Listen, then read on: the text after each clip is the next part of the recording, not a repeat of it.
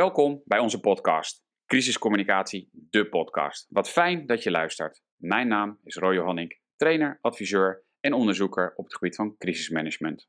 En mijn naam is Dianne Deurlo, een trainer en interimmer op het gebied van crisiscommunicatie. In onze podcast gaan we op zoek naar communicatie in gewone en buitengewone omstandigheden. Crisiscommunicatie noemen we dat vaak. Maar wat maakt crisiscommunicatie nu zo bijzonder? Dat kan van alles zijn, zo blijkt echt iedere keer weer. Maar wat dat alles is, dat willen wij graag weten. En daarom gaan we gewoon in gesprek met verschillende collega's. En we hebben van deze gesprekken geleerd. En we hopen ook dat jullie dat doen. Vergeet je dus niet te abonneren op deze podcast. Veel luister en leerplezier. We gaan vandaag in gesprek met Lucinda Sterk. Lucinda heeft journalistieke roots en jarenlange ervaring op het gebied van nationale veiligheid. Bij de NCTV en Fox IT heeft ze zichzelf gespecialiseerd in communicatie over cyber. Ik neem hem even over. Stop maar. Ja, weet je, dit is interessant. Misschien moeten we ook gewoon laten zo en moeten we deze introductie gewoon ook zo laten, Dianne. En dan vertel ik gewoon dat Lucinda uh, waar ze in, gespecialiseerd is. Zo ja. interessant. Dit heeft misschien ook iets met cyber te maken. Wie weet, misschien uh, is er wat aan de hand met mijn computer op het moment. Ja, nou, weet je, ik, ik ga het gewoon opnieuw doen en ik laat dit lekker, we gaan dit gewoon lekker niet knippen, want daar gaan we het zo maar over hebben. Maar um, Lucinda heeft um, volgens mij jarenlang ervaring, zei je, uh, dat geresulteerd heeft in een groot en relevant netwerk, van journalisten tot hackers, van wetenschappers tot security specialisten. En je noemt jezelf, Lucinda, een communicatiespecialist met een voorliefde voor eerlijke en duidelijke verhalen met beeld. Nou, en ook met geluid, maar dat geluid dat laat nu even te wensen over soms bij Dianne. Ehm, en je houdt van humor en een goed gesprek. Nou, volgens mij ben jij een ideale uh, aflevering, uh, zeg maar een ideale gast om de aflevering te maken over cyber. Ehm, kan je iets vertellen over cyber? Want iedereen, het, is, het lijkt me een beetje hip nu. Ja, het is heel eh, populair eigenlijk aan het worden. je kan geen kranten meer openslaan of geen website meer openen zonder dat je iets ziet over ransomware of phishing of hackers. Uh, dus ja, het is uh, echt uh, booming wat dat betreft. Er is heel veel aandacht voor. Hey, en dat als zo'n computer nou habert, moeten we nou bang zijn dat Dianne gehackt is? Of? nou, ik denk dat het aan haar internetconnectie ligt. En ik zou niet zozeer bang zijn dat Dianne gehackt is. Zou wel heel toevallig zijn. Oh, ik, ik hoop het. Ik hoop het. Ja, ik woon toch in Zeeland. Misschien dat het daarmee te maken heeft. maar laten we wel met die vraag beginnen dan. Hoe weet, een heel flauw grapje dit, maar hoe, weet, hoe zou Dianne of ik weten dat ik gehackt ben dan? Ja, dat is een, eh, een hele goede vraag. Soms uh, weet je dat ook uh, inderdaad niet. Um, soms wordt je computer gebruikt voor bijvoorbeeld een, een botnet. Um, waarbij een, een hacker een heel netwerk opzet van computers. Um, om bijvoorbeeld ook crypto's te minen, hè, zodat hij digitale munten kan creëren. Um, en daar merk je eigenlijk niet zoveel van, zonder anders dan dat je systeem wat trager wordt. Um, maar wat Dianne last van heeft, vermoed ik, maar ja, ik ben eigenlijk ook geen cyber-expert natuurlijk, ik communiceer er eigenlijk alleen maar over, is uh, dat, dat haar internet uh, hapert en niet dat zij uh, het doelwit is van cybercriminelen. Dat geloof ik niet. Nou, dan, ik ga maar uit van het laatste, hopelijk, uh, Lucinda. En jij zegt van ja, ik heb eigenlijk, ik ben geen cyber-expert, maar ik heb vooral dan verstand van cyber en communicatie. Wat mij lastig lijkt, het is een ingewikkelde materie. Um, hoe leg je het dan toch makkelijk uit? Ja, dat is ook echt wel een, uh, een uitdaging en een, en een kunst, denk ik, om te kijken naar hoe leg je die, um, die vertaalslag van de technische termen naar de gewone mensentaal, de, de Jip en Janneke taal. Uh, er zijn ook maar weinig mensen in Nederland, eh, denk ik, eh, die dat echt goed kunnen. maar je ziet wel doordat er veel meer aandacht voor is, dat steeds meer um, jargon ook in, in gebruik raakt. Hè? Dus steeds meer mensen weten ook wel wat phishing is, wat ransomware is, ehm, wat antivirus is, um, et cetera. Dus hoe vaak je dat gebruikt, hoe meer dat in zwang raakt.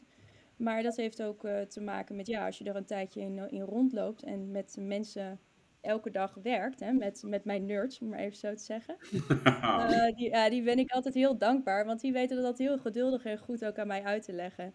En uh, ik zeg altijd, leg het, aan je, leg het aan mij uit alsof je het aan je moeder of aan je oma uitlegt. En dan kan ik het ook weer verder communiceren. En daarin helpen we elkaar heel erg. Maar net aan het eerste voorbeeld, je zei van het zou dus kunnen, en dat is waarschijnlijk hopelijk niet zo, dat Diana's computer wordt gebruikt voor crypto's en voor mining. Mhm. Even dat ik het vanavond probeer uit te leggen thuis. Ja. Help even. Ja, dat is, uh, dat is een hele goede. Um, de, jouw, jouw computer gebruikt uh, rekenkracht, hè? dus een bepaalde rekenkracht om jouw systeem uh, te laten draaien. En die energie kunnen ze ook gebruiken om, om crypto's te minen, dus digitale munten te creëren eigenlijk als het ware. Um, en uh, daarvan zijn ook wel een paar voorbeelden. Uh, laatst nog bij een, een, ziekenhuis, want ik werk voor uh, een CERT, hè, dus een Computer Emergency Response Team, eigenlijk een soort digitale brandweer voor de zorg. En um, daarvan had dus ook een medewerker een gedeelte van het netwerk gebruikt om, om die rekenkracht te gebruiken voor die, voor die cryptocurrency. Uh, dus heb je eigenlijk te maken met een, het was dan een ex-medewerker, had nog heel keurig afscheid uh, genomen. Van een deel van dat netwerk, daar van die codes, had hij, had hij uh, online gezet en daar werd dan misbruik van gemaakt. Dus ja, het is een heel divers wereldje en heel, je kan het heel complex noemen, maar ik denk als je, net als met brandweertermen en andere crisistermen, ook in de terrorismewereld en zo, als je daar een beetje in zit, dan, dan, dan maak je het jezelf vrij snel eigen. Ja, wat ik me afvroeg, eh, Lucinda, want je werkt inderdaad voor die zorgsector. Die zorgsector die nu onder druk staat. Ehm, wat als er nu wat gebeurt? Ja. Dan is het niet overzien volgens mij.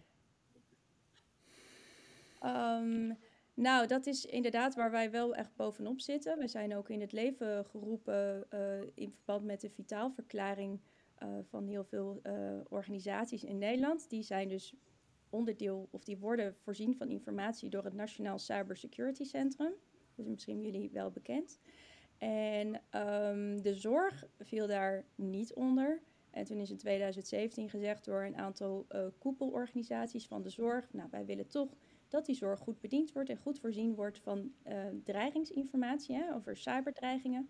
En toen hebben zij ZCERT opgericht. Daar werk ik nu. En wij werken nauw samen met dat Nationaal Cybersecurity Centrum. En wij wisselen informatie uit die van belang kan zijn om die zorg en die ziekenhuizen, GGZ-instellingen, ook jeugdzorg, et cetera, goed uh, te beveiligen.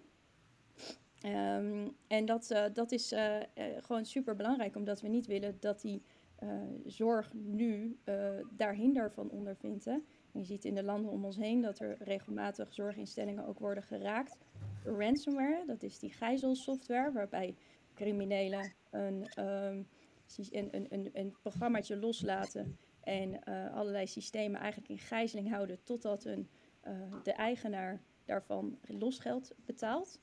Um, en, en daar, ja, ze schuwen ziekenhuizen en zorginstellingen uh, niet. En dat is natuurlijk heel beangstigend, want dat kan best wel gevolgen hebben. tot nu toe ja, zijn er nog geen dodelijke slachtoffers gevallen, maar het is te hopen dat dat zo blijft. Ja. ja. En, en dat, NCSC, of dus het National Cyber dus Security and Cyber Safety Security Center. Ik word altijd moeilijk van National Cyber Security Center. Ah, dankjewel. Uh, waarvoor is dat opgericht dan? En hoe lang geleden is dat? En, en... Ja, dat is uh, um, uit mijn hoofd in 2014 ontstaan ook weer uit drie andere partijen. Die zijn toen onderdeel geworden van uh, de NCTV, Nationaal Coördinator Terrorismebestrijding en Veiligheid. Uh, die had toen drie uh, pilaren: crisisbeheersing, cybersecurity en contraterrorisme. En cybersecurity viel dan onder verantwoordelijkheid van het Nationaal Cybersecurity Centrum. En zij zijn ook echt het aangewezen centrum om de vitale sectoren in Nederland veilig te houden en te voorzien van uh, actuele dreigingsinformatie. En dan heb je het dus inderdaad over energiecentrales, water, nou ja, alle, alles wat, wat, wat nodig is om Nederland door te laten draaien. En wat, wat doen ze dan concreet? Zij um, nou ja, speuren uh, ook het internet af, zoals wij dat uh, ook doen. En um, bijvoorbeeld ook uit open bronnen, maar ook uit informatie die we van andere organisaties, cyberorganisaties uit heel de wereld krijgen. Bijvoorbeeld ook uit Duitsland, maar ook uit Amerika en uit Australië en Engeland. En die zien dan bijvoorbeeld een aanval op een instelling. En die cybercriminelen die laten daarbij sporen achter. En dat noemen wij indicators of compromise, met een, met een cyberwoord. Maar dat zijn gewoon digitale voetstappen. En die digitale voetstappen die zijn gewoon overal hetzelfde. En als je eenmaal weet, hé, hey, deze voetstappen horen bij deze cybergroepering, bij deze aanval, dan kunnen we die voetstappen ook gaan delen met andere mensen binnen het hele veld, zodat zij weten, oh, wacht even, hier moet ik op letten.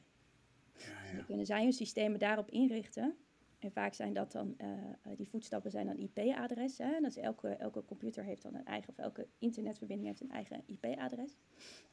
En um, als je weet, hé, hey, dat is een, dat is een dat, daar zitten criminelen achter, dat zijn slechterikken, um, dan kan je die blokken. En dan voorkom je eigenlijk dat zij toegang krijgen tot je systemen. En dat is waar wij, uh, waar we mee bezig zijn.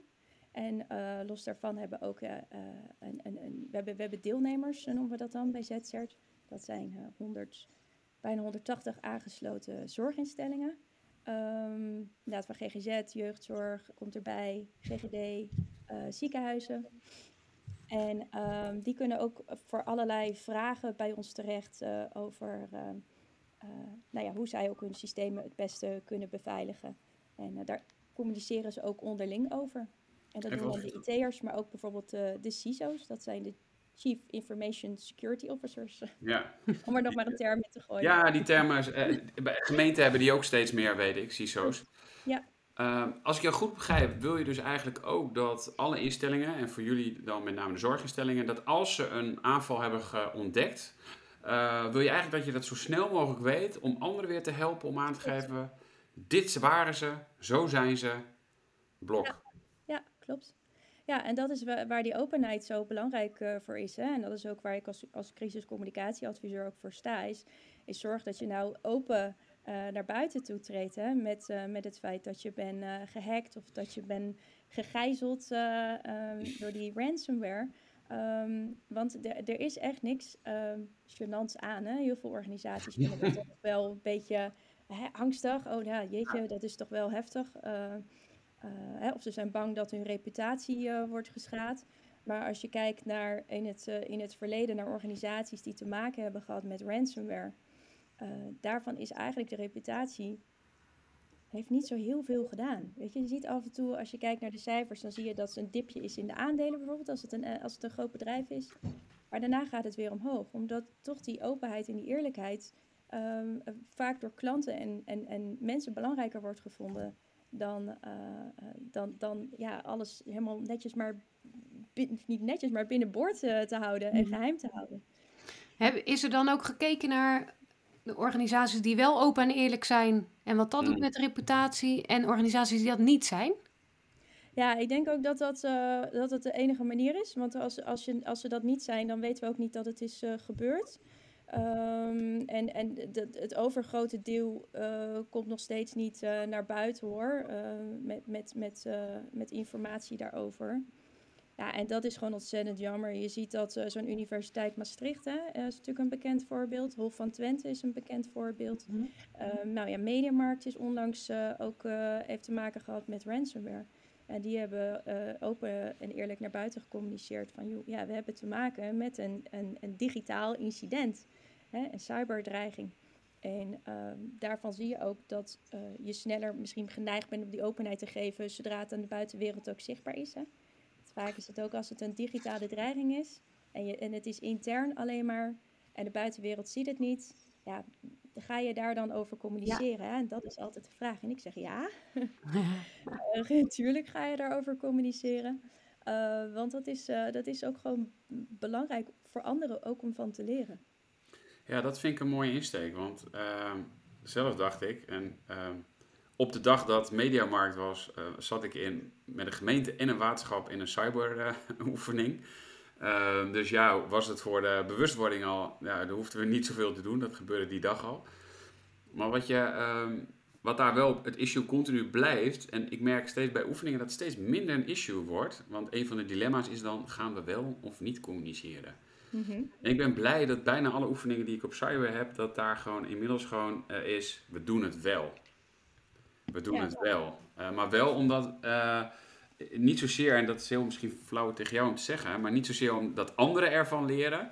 maar dat vind ik wel een mooi doel, want daar had ik zo zelf ook nog niet zo, ben ik heel eerlijk in, over nagedacht. Maar eigenlijk wel van, ja, als ik het nu niet doe, als het toch uitkomt, ja, dan heb ik helemaal wat recht te lullen. En, en, en Diana zegt altijd, je lul niet recht wat kom is of zo. Ik weet niet hoe ze het zegt. Ja. Dus... Uh, Ja, we kunnen met communicatie niet uh, recht lullen wat er krom is, zeg ik. Ja. ja, dat is een mooie uitdrukking. Ja. Ja, dat klopt. En natuurlijk, eerlijkheid duurt altijd het langst. Hè? Ik zeg altijd, uh, weet je, het is, het is net als met, uh, met kinderen. Ik bedoel, uh, als ze jou eerlijk vertellen dat ze een snoepje hebben gestolen, ben je minder boos dan wanneer je er achteraf achter komt dat de hele snoeptrommel leeg is. En ze met een volle mond heftig ontkennen. ja. Maar, maar dus, wat, wat dus interessant is, en dat vind ik bij oefeningen ook zo interessant, is dat uh, er een bewustwording ontstaat. En laat zijn wethouder of burgemeester dat. Die zei van, oké, we hadden vorige week ook gewoon internetuitval. En net zo dat flauwe grapje aan het begin met Dianne dan. Um, maar um, hoe, hoe, heel vaak voelen we het niet. En dat is best wel beangstigend. En dat zeg jij ook. Uh, en, en ik als inwoner, of als bewoner of als klant voel het ook soms niet. En dan zitten ze toch al, hoor je soms weken, maanden binnen, om eigenlijk maar dingetjes te doen. Ja, klopt. Uh, ja. Ik vind dat blijft dat een één ding vinden, maar... Ja, nee, dat is ook zo. Ja, je ziet ook dat uh, uh, die, die, hele cybercriminelen, dat is een, een, een, een verdienmodel van heb ik jou daar. En die, die hebben dus ook allemaal onderling bedrijfjes, waarbij de, de een die, die, die gaat dan alvast een netwerk binnen en die verkoopt dan die toegang tot jouw systeem aan weer een andere cybercrimineel. En die gaat dan daarmee uh, die ransomware uitrollen. Dus het is echt, uh, het, is, het is ook een, een, een verdienmodel dat heet ransomware as a service. Dus je verkoopt eigenlijk die ransomware weer aan andere cybercriminelen.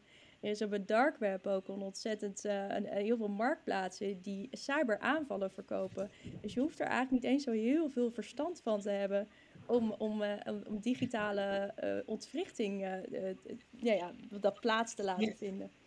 Dus het is ja, ontzettend interessant. En het wordt alleen maar interessanter en heftiger, denk ik, in de, in de komende jaren.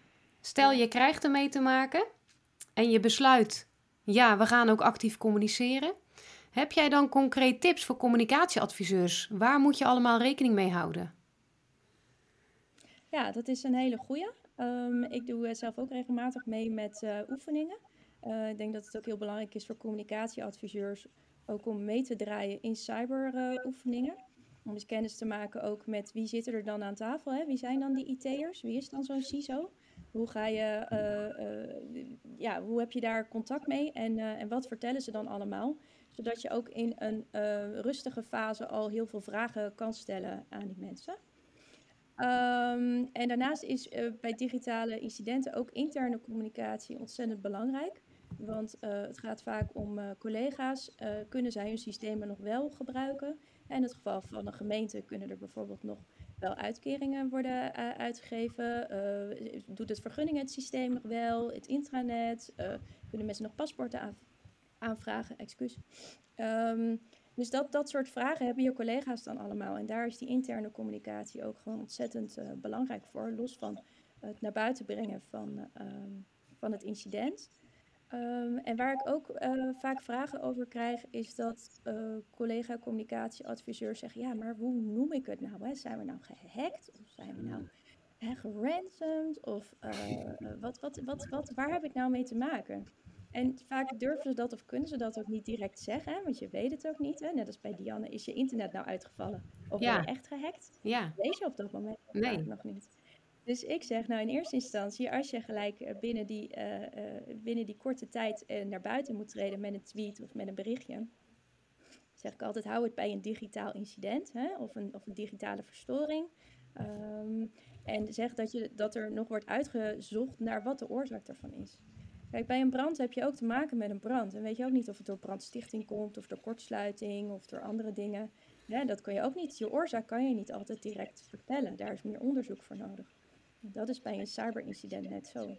Dus vaak heb je worden er externe professionals uh, ingehuurd. Die doen dan onderzoek. De politie komt er bijvoorbeeld bij. Er wordt aangifte gedaan, et cetera. Nou, dat is allemaal informatie al die je kan vertellen. En dat je bezig bent met, met, met het onderzoeken naar wat, wat de oorzaak dan is van die digitale verstoring. En dan kan je daarna nog terugkomen met het, met het verhaal van, nou ja, inderdaad, we zijn geraakt door ransomware. En dit is, zijn de gevolgen daarvan. Ja, mooie concrete tip. Praat over een digitale verstoring. Die, terug naar die als jij zegt inderdaad een digitale veroorzaak, zeg maar een digitale verstoring, we weten niet wat de oorzaak is. Wat is, wat is eigenlijk het verschil tussen een hack en geransomd zijn? zei je net. Wat is dan het verschil daartussen? Nou, ik denk dat dat, uh, dat op hetzelfde, hetzelfde neerkomt. Uiteindelijk geransomd is echt het effect, hè? Wat, je, wat, wat, wat er met een hack, uh, het, het, gevolg van een hack. De hack is eigenlijk zo wanneer cybercriminelen zich toegang verschaffen tot jouw systeem. Mm Um, en dan uh, ransomware zegt dat ze dan die, uh, die gijzelsoftware, nou ja, zoals ze dat dan noemen, uitrollen binnen jouw systeem. En echt jouw systeem helemaal versleutelen, zodat je er niet meer bij kan.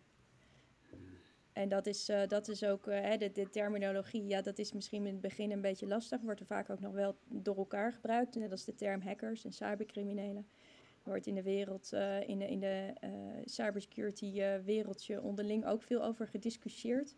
Ehm, hè, voorheen hadden we het bijvoorbeeld over ethisch hackers, hè, de, goede hackers en, en hackers. En nu is het zo, ja, we, daar stappen we gewoon helemaal van af. Want hackers zijn gewoon de, goede, de goede mensen. Hè? En cybercriminelen, dat zijn dan echt de bad guys. Ja. Dat zijn gewoon ook criminelen. Dus met een hack kom je binnen. Ransomware is het uitrollen van het, het systeem, van een systeem waardoor het systeem plat ligt.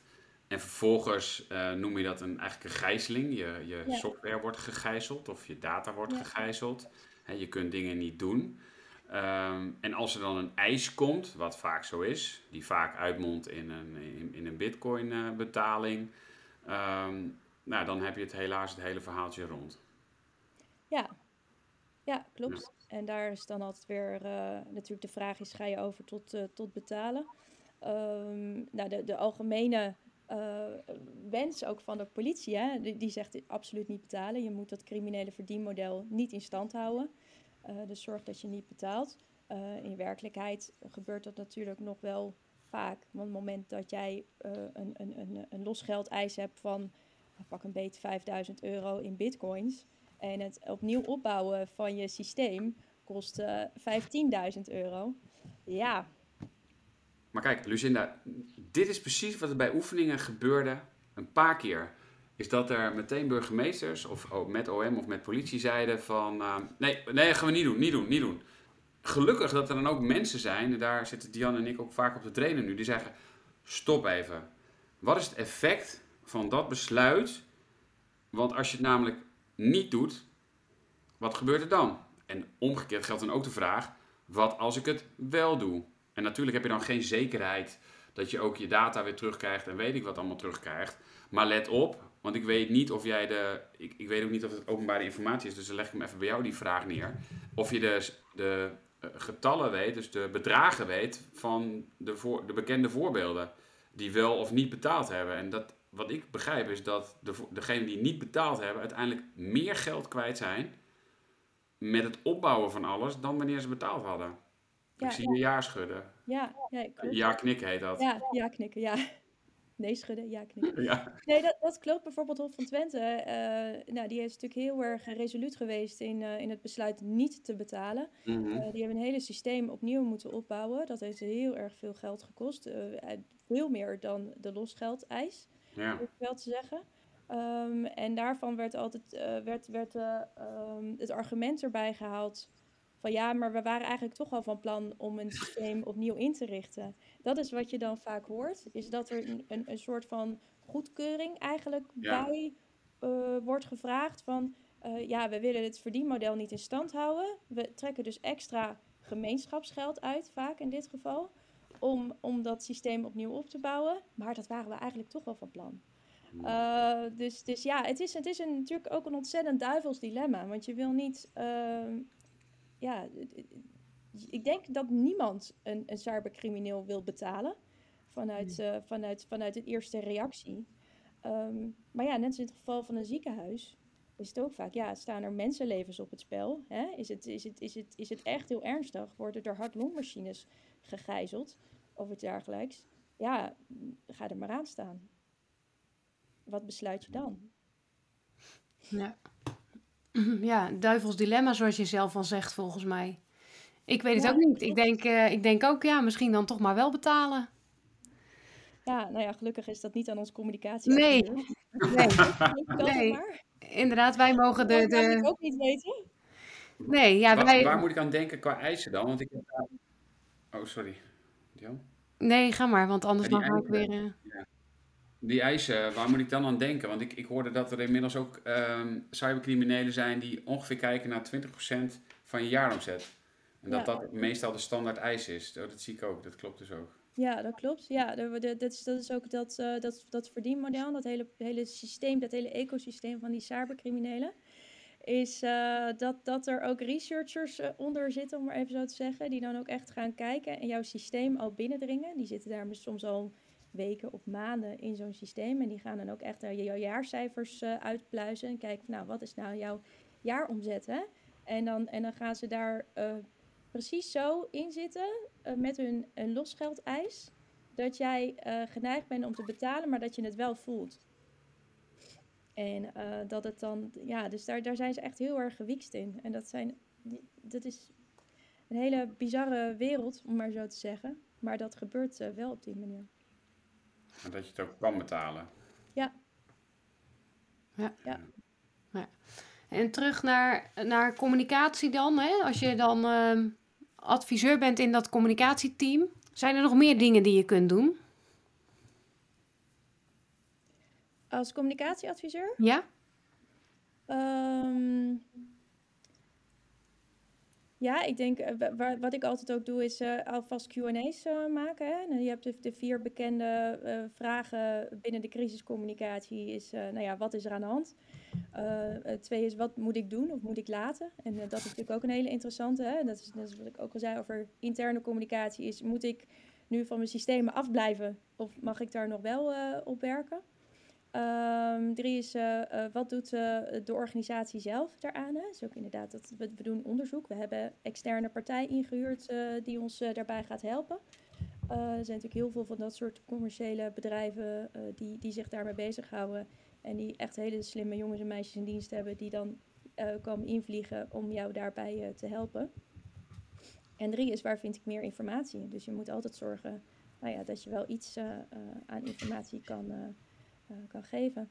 Nog een andere tip is misschien ook wel aardig. Is, eh, er zijn natuurlijk heel veel crisiscommunicatieplannen hè, die, eh, die al klaar liggen. En eh, nou, die mensen eh, hebben geschreven. Die je misschien ook wel bij, als je bij een gemeente of bij een organisatie werkt, hebt liggen.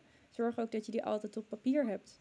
Want eh, moment dat je wordt gegijzeld of dat je te maken hebt met een digitale verstoring en je kan je computer niet meer in. Ja, hoe kom je dan bij je documenten? Ja. Eh heb ook een, plan B wat dat betreft. Voor als jij zegt, nou in mijn communicatieplan eh, zorg ik dat ik communiceer via de website, via Twitter, eh, via Facebook, noem maar op. Eh, en je komt niet meer op je website. Ehm, ja, wel, hoe ga je dan communiceren? Dus, dus denk daar alvast bij na, want dit is in die zin natuurlijk wel een beetje een atypische crisis. dat je ook je communicatiesystemen voor een deel misschien niet meer kan gebruiken. Ja. Heb jij daar ervaring mee, of jij Roy, bij je gemeente? Van dat er al nagedacht is over... Als we de website niet, Niet voor hebben? communicatie. Nee, Niet voor communicatie. nee. Ja, ja, Nou ja, de eerste, want ik heb het gevraagd natuurlijk. Want eh, weet je wat ik het voordeel vind, Lucinda, misschien van... En ook voor Diane dan, maar dat hebben wij al eens over gehad volgens mij. Het voordeel van het beoefenen van een cyberincident. Ehm, want ik ben eigenlijk iemand die een beetje wars is van alleen maar een type incident oefenen.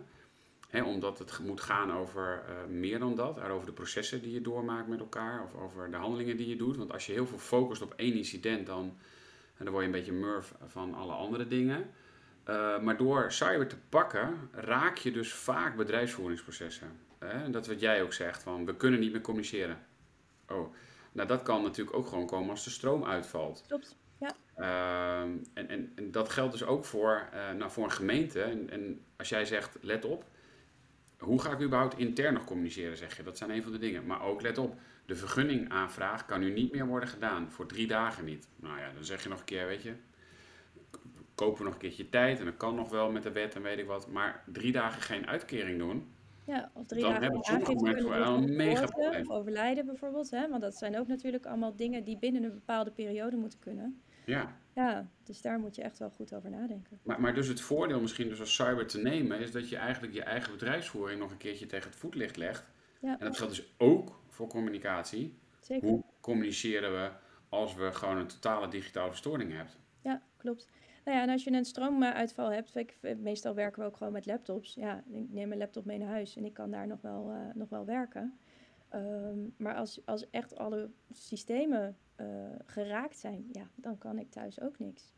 Dus de vraag is inderdaad, heb je een website die bijvoorbeeld web-based is, dus dat je vanuit een huisverbinding uh, nog wel in kan loggen op je, op je website. Dat zou natuurlijk een oplossing kunnen zijn. Um, ja, en social media werkt vaak ook nog wel. Alhoewel we, denk ik nu, twee, drie maanden geleden ook nog een behoorlijke uitval hadden van social media ja. uh, systemen. Ja. Uh, ik weet niet of je die nog kan herinneren. Dat ook WhatsApp zelfs helemaal uh, eruit was gevallen. Nou ja, dat duurde gelukkig een, een aantal uur op een maandagavond. Op mijn hoofd vier, vijf uur of iets mm dergelijks. Maar dat zijn natuurlijk ook ja, scenario's waar je af en toe waar je ook rekening mee kan houden in je communicatie. Is wat in het geval we niet meer kunnen communiceren via WhatsApp, ja. hebben we dan een plan B? Nou, nu je dat, Diane, nu jij net, net die vraag stelde, zit ik, en jij zit vooral Lucinda in de zorgsector, hè? In de zorgsector, uh, en die, die tip neem ik wel eens mee naar andere organisaties. In de zorgsector kennen ze ook, zeker bij ziekenhuizen, kennen ze runners. Ja. Ik zie je knikken. En dat kennen wij niet echt binnen gemeentelijke of binnen andere bedrijven, waterschappen. Maar het is eigenlijk heel plat. Het is gewoon net zoals vroeger ging. Ik uh, ren net mijn boodschap van de ene naar de andere uh, afdeling of van het ene naar het andere kantoorpand. Ja. Uh, om inderdaad gewoon woordelijk, dan wel op papier, hè, want dan hoop je dat de printer nog werkt en dan schrijf je het uit. Dat is natuurlijk een hele simpele tip. Gewoon ja. tussen afdelingen, tussen teams, een, ja, iemand laten rennen. Ja, ja klopt. En dan, dan, dan moet je er wel van uitgaan dat je natuurlijk allemaal op dezelfde plek bent. Hè. In, een, in een zorgomgeving is dat natuurlijk ook zo. Hè. Maar bij een gemeente, zeker in deze pandemie werken we veelal vanuit huis. Uh, mm. Dus ja, vertrouwen we ook volledig op al die uh, digitale communicatiemiddelen. ja, hoe, hoe, hoe, kan je daar dan nog op vertrouwen op het moment dat, dat er zo'n verstoring is? runners zijn inderdaad een oplossing. Ik weet ook in, in Ierland is begin van dit jaar een grote cyberaanval geweest op een aantal ziekenhuizen. Mm. En nou, daarbij zijn ze dus inderdaad overgestapt op, op pen en papier. Ja, gewoon de ouderwetse, de ouderwetse, ouderwetse manieren eigenlijk. Ja. Flip-overs. Kijk, en uiteindelijk, dat werkt wel, maar dat kost wel veel meer tijd. Ja, ja. En ook in de, in de nafase dan, hè. Want ja, je hebt je alles op pen en papier en hele, een heel dossier van een patiënt of een cliënt opgebouwd. Ja, dat moet dan later toch weer ingevoerd worden in, in het computersysteem als alles weer up and running is. Dus ja, daar gaat heel veel tijd en energie in zitten. Ja, Waar zie je zit de meeste uitdaging op het gebied van cyber eigenlijk? Voor de komende periode. Want ik, dit, iedereen noemt dit, dit, is het, het staat in de meeste plannen, de, de, nieuwe crisis hebben we het dan over, nieuwe incidenten. Cyber staat eigenlijk wel op één overal, heb ik het idee. Maar waar zit dan de grootste uitdaging over communicatie? Nou, ik denk voor communicatie dat je er, uh, je moet er gewoon goed over nadenken. Hè? Gewoon op voorbereid zijn ook. Uh, met, met, de, met de tips die ik ook gaf. Ik ga er niet van uit dat alles zomaar altijd blijft doen. Ehm, hè, we, we, hebben ook wel eens uh, geoefend volgens mij met grootschalige wateruitval of uh, stroomstoring. Of uh, nou ja, weet je, heb je dan, ben, je, ben je daar dan op voorbereid? ik denk dat dat, dat dat vooral belangrijk is. Um, want het, ja, de, de, bekende uitspraak is natuurlijk, het is niet de, ehm, de vraag of je wordt gehackt, maar de vraag wanneer je wordt gehackt. Mhm. En dat zie je ook dat uh, ja, er gewoon zoveel organisaties in, in Nederland en in de wereld uh, ermee te maken krijgen. Uh, dat het gewoon heel belangrijk is om daar een keer op voorbereid te zijn. Er zijn genoeg uh, voorbeelden ook. Hè? Ik bedoel, lessons learned ook van Maastricht onder andere. Nou, neem die nog een keer door, zou ik zeggen. om te kijken hoe zij dat dan hebben aangepakt. Ja, we zullen die link erbij zetten, het rapport daarnaar en ook misschien de persconferentie. Maar, maar dan toch, want ik gaf, deze week mocht ik training geven bij de KVB voor de BVO's, weer zo'n de betaald voetbalorganisaties, dus de betaalde voetbalclubs. Toen uh, hadden we het ook over cyber. Toen zei iemand, ja, ik snap het wel, een mooi verhaal dit, maar ehm, weet je, het gaat nu, zeker bij betaald voetbalclubs, ook gewoon om geld. En die hebben het al heel, heel moeilijk. Toen zei ze, ja, ik, ik kan met dit verhaal aankomen, maar wij gaan hier geen aandacht voor hebben. Hoe ga je ze dan helpen? Maar hoe bedoel je geen aandacht voor hebben? Want ja, omdat het bestuur zegt, uh, wij, wij moeten überhaupt ons... En dat geldt denk ik ook voor de zorgsector. Daarom probeer ik die vergelijking te maken. Omdat het bestuur van de club zegt, ja, wij hebben het geld gewoon hard nodig om überhaupt nog een club te mogen zijn.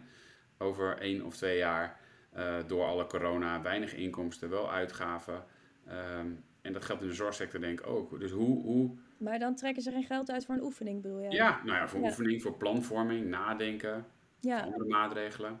Ja, ja, nou ja, kijk, dat hoeft ook niet heel veel geld eh, te kosten, denk ik dan. Want als het goed is, heb je als organisatie wel een, wel een aantal techneuten of een techneut in dienst. Of je hebt het uitbesteed aan een externe partij. Dat kan natuurlijk ook, die uh, security en die uh, IT uh, beheert.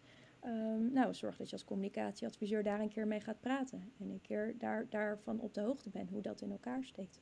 En ook als bestuur denk ik dan dat het ook wel gewoon belangrijk is. Dat je weet wie is er verantwoordelijk binnen je organisatie voor cybersecurity. En, en hoe gaat dat dan als je echt een keer wordt geransomd? Want ja, geld is belangrijk. Maar dat weten die criminelen ook. Die, die vinden geld ook heel belangrijk. Hè? En als die dan uh, jouw systeem uh, gaan, uh, gaan, gaan hacken en um, informatie gaan lekken over bijvoorbeeld transacties van, van belangrijke voetballers, hè? ik noem maar wat. Iets wat je geheim wil houden misschien, dat de ene voetballer van Ajax toch naar Barcelona gaat. en, en, en ja, dat, dat is toch wel geheime informatie misschien, die je liever niet in de buitenwereld wil hebben.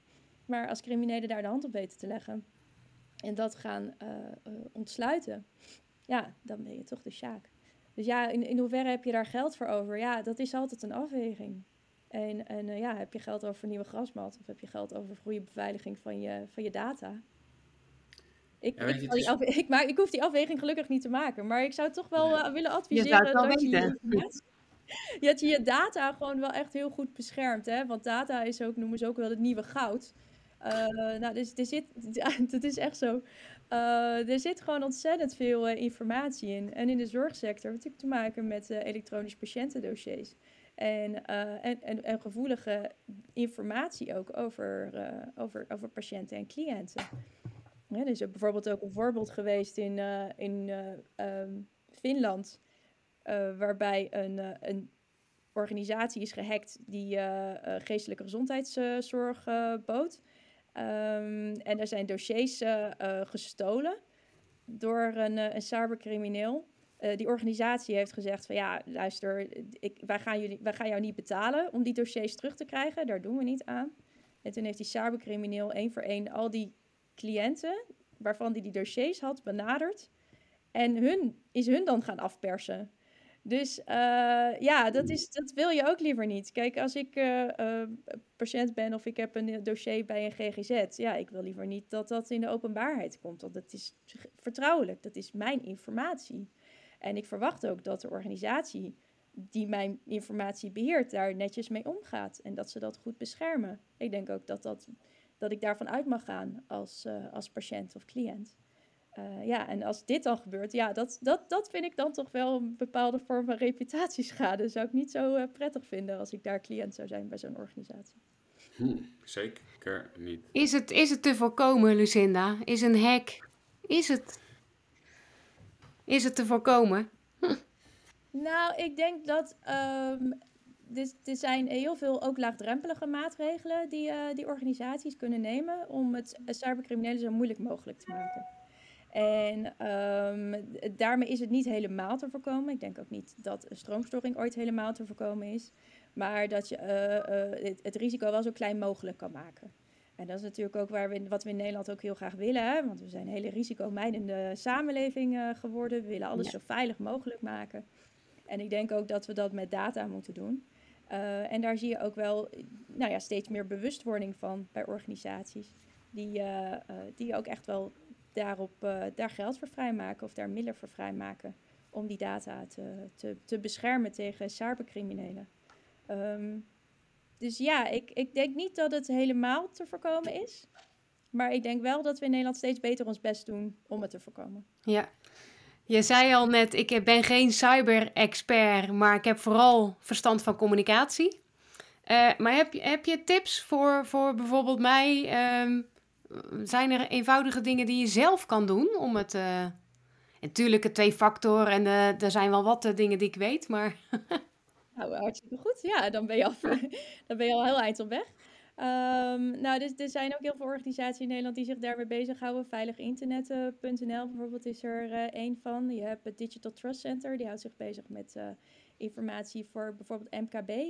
En die heeft ook altijd hele handige tips hoe je jezelf goed kan, uh, kan beveiligen.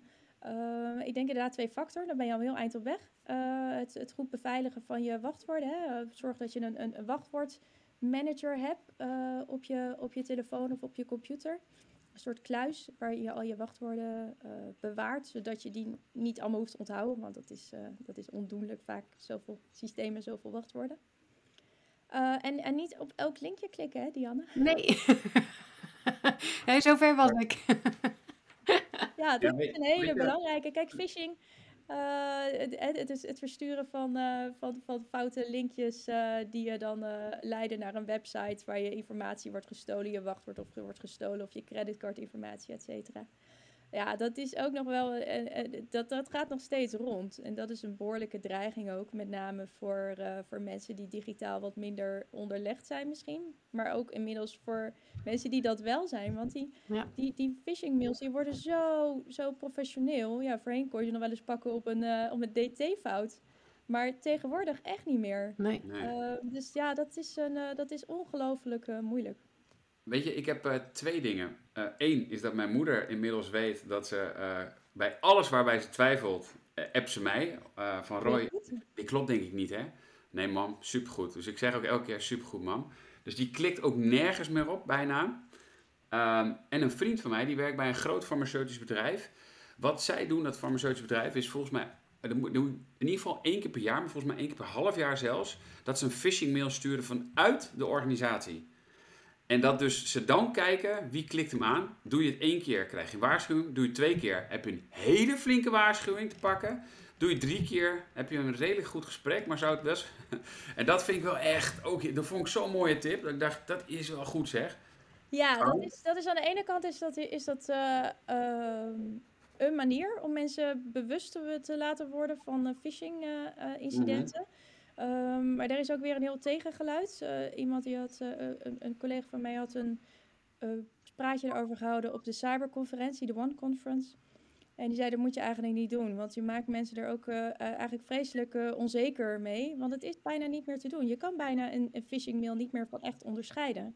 En daarnaast is het ook een verantwoordelijkheid van de IT-afdeling om, om die phishing mails zoveel mogelijk tegen te houden. Dus er zijn heel veel maatregelen die zo'n organisatie kan nemen, zodat die mailtjes niet meer bij de personen terechtkomen. Hey, er was altijd een heel verhaal dat, uh, dat uh, mensen waren de zwakste schakel hè, in de cyberincidenten. Mm. Want die klikten maar uh, dom ja. op alle linkjes die ze tegenkwamen. Maar ja, inmiddels is dat ook gewoon... Ja, weet je, dat is, dat is eigenlijk gewoon een beetje beschamend, vind ik. ik ja, we zijn met z'n allen zo goed bezig. En dan maar elke keer weer uh, de, de, de, het, het pijnpunt bij je medewerkers leggen. Denk ik, ja, ik vind dat als organisatie toch een beetje, een beetje jammer. Ik, maak toch wat extra geld uh, beschikbaar voor goede antivirus. ik bel hem vanmiddag even. Ik wou zeggen, ik hoor een telefoontje aankomen. maar dank voor dit mooie tegengeluid. Echt prachtig. Goed zo. Dankjewel Lucinda voor dit gesprek. We hebben een aantal tips gekregen. Een belangrijke tip is proactief communiceren. Als het gebeurt, je wordt aangevallen, communiceer proactief. Beantwoord vier vragen. Wat is er aan de hand? Wat kan je zelf doen? Wat doen wij als organisatie zelf en waar vind ik meer informatie? Um, en uh, ook een mooie tip: um, uh, praat over een um, digitale verstoring. En uh, geef aan dat de oorzaak nog wordt onderzocht. Waren volgens mij een aantal dingen die passeren in dit gesprek. Klopt dat? Ja, hm. klopt. En zorg dat je ook je crisisplan uh, offline hebt. Yes. Ja. Ja, mooie afsluiter. en, en, dat niet alles aan de mens ligt. Ja, dat vooral. Leuk. Dankjewel. Jullie bedankt. Bedankt voor het luisteren. Wil je meer horen van onze zoektocht naar wat crisiscommunicatie zo bijzonder maakt? Vergeet je dan niet te abonneren op onze podcast. Tot een volgende keer. En delen, dat mag uiteraard.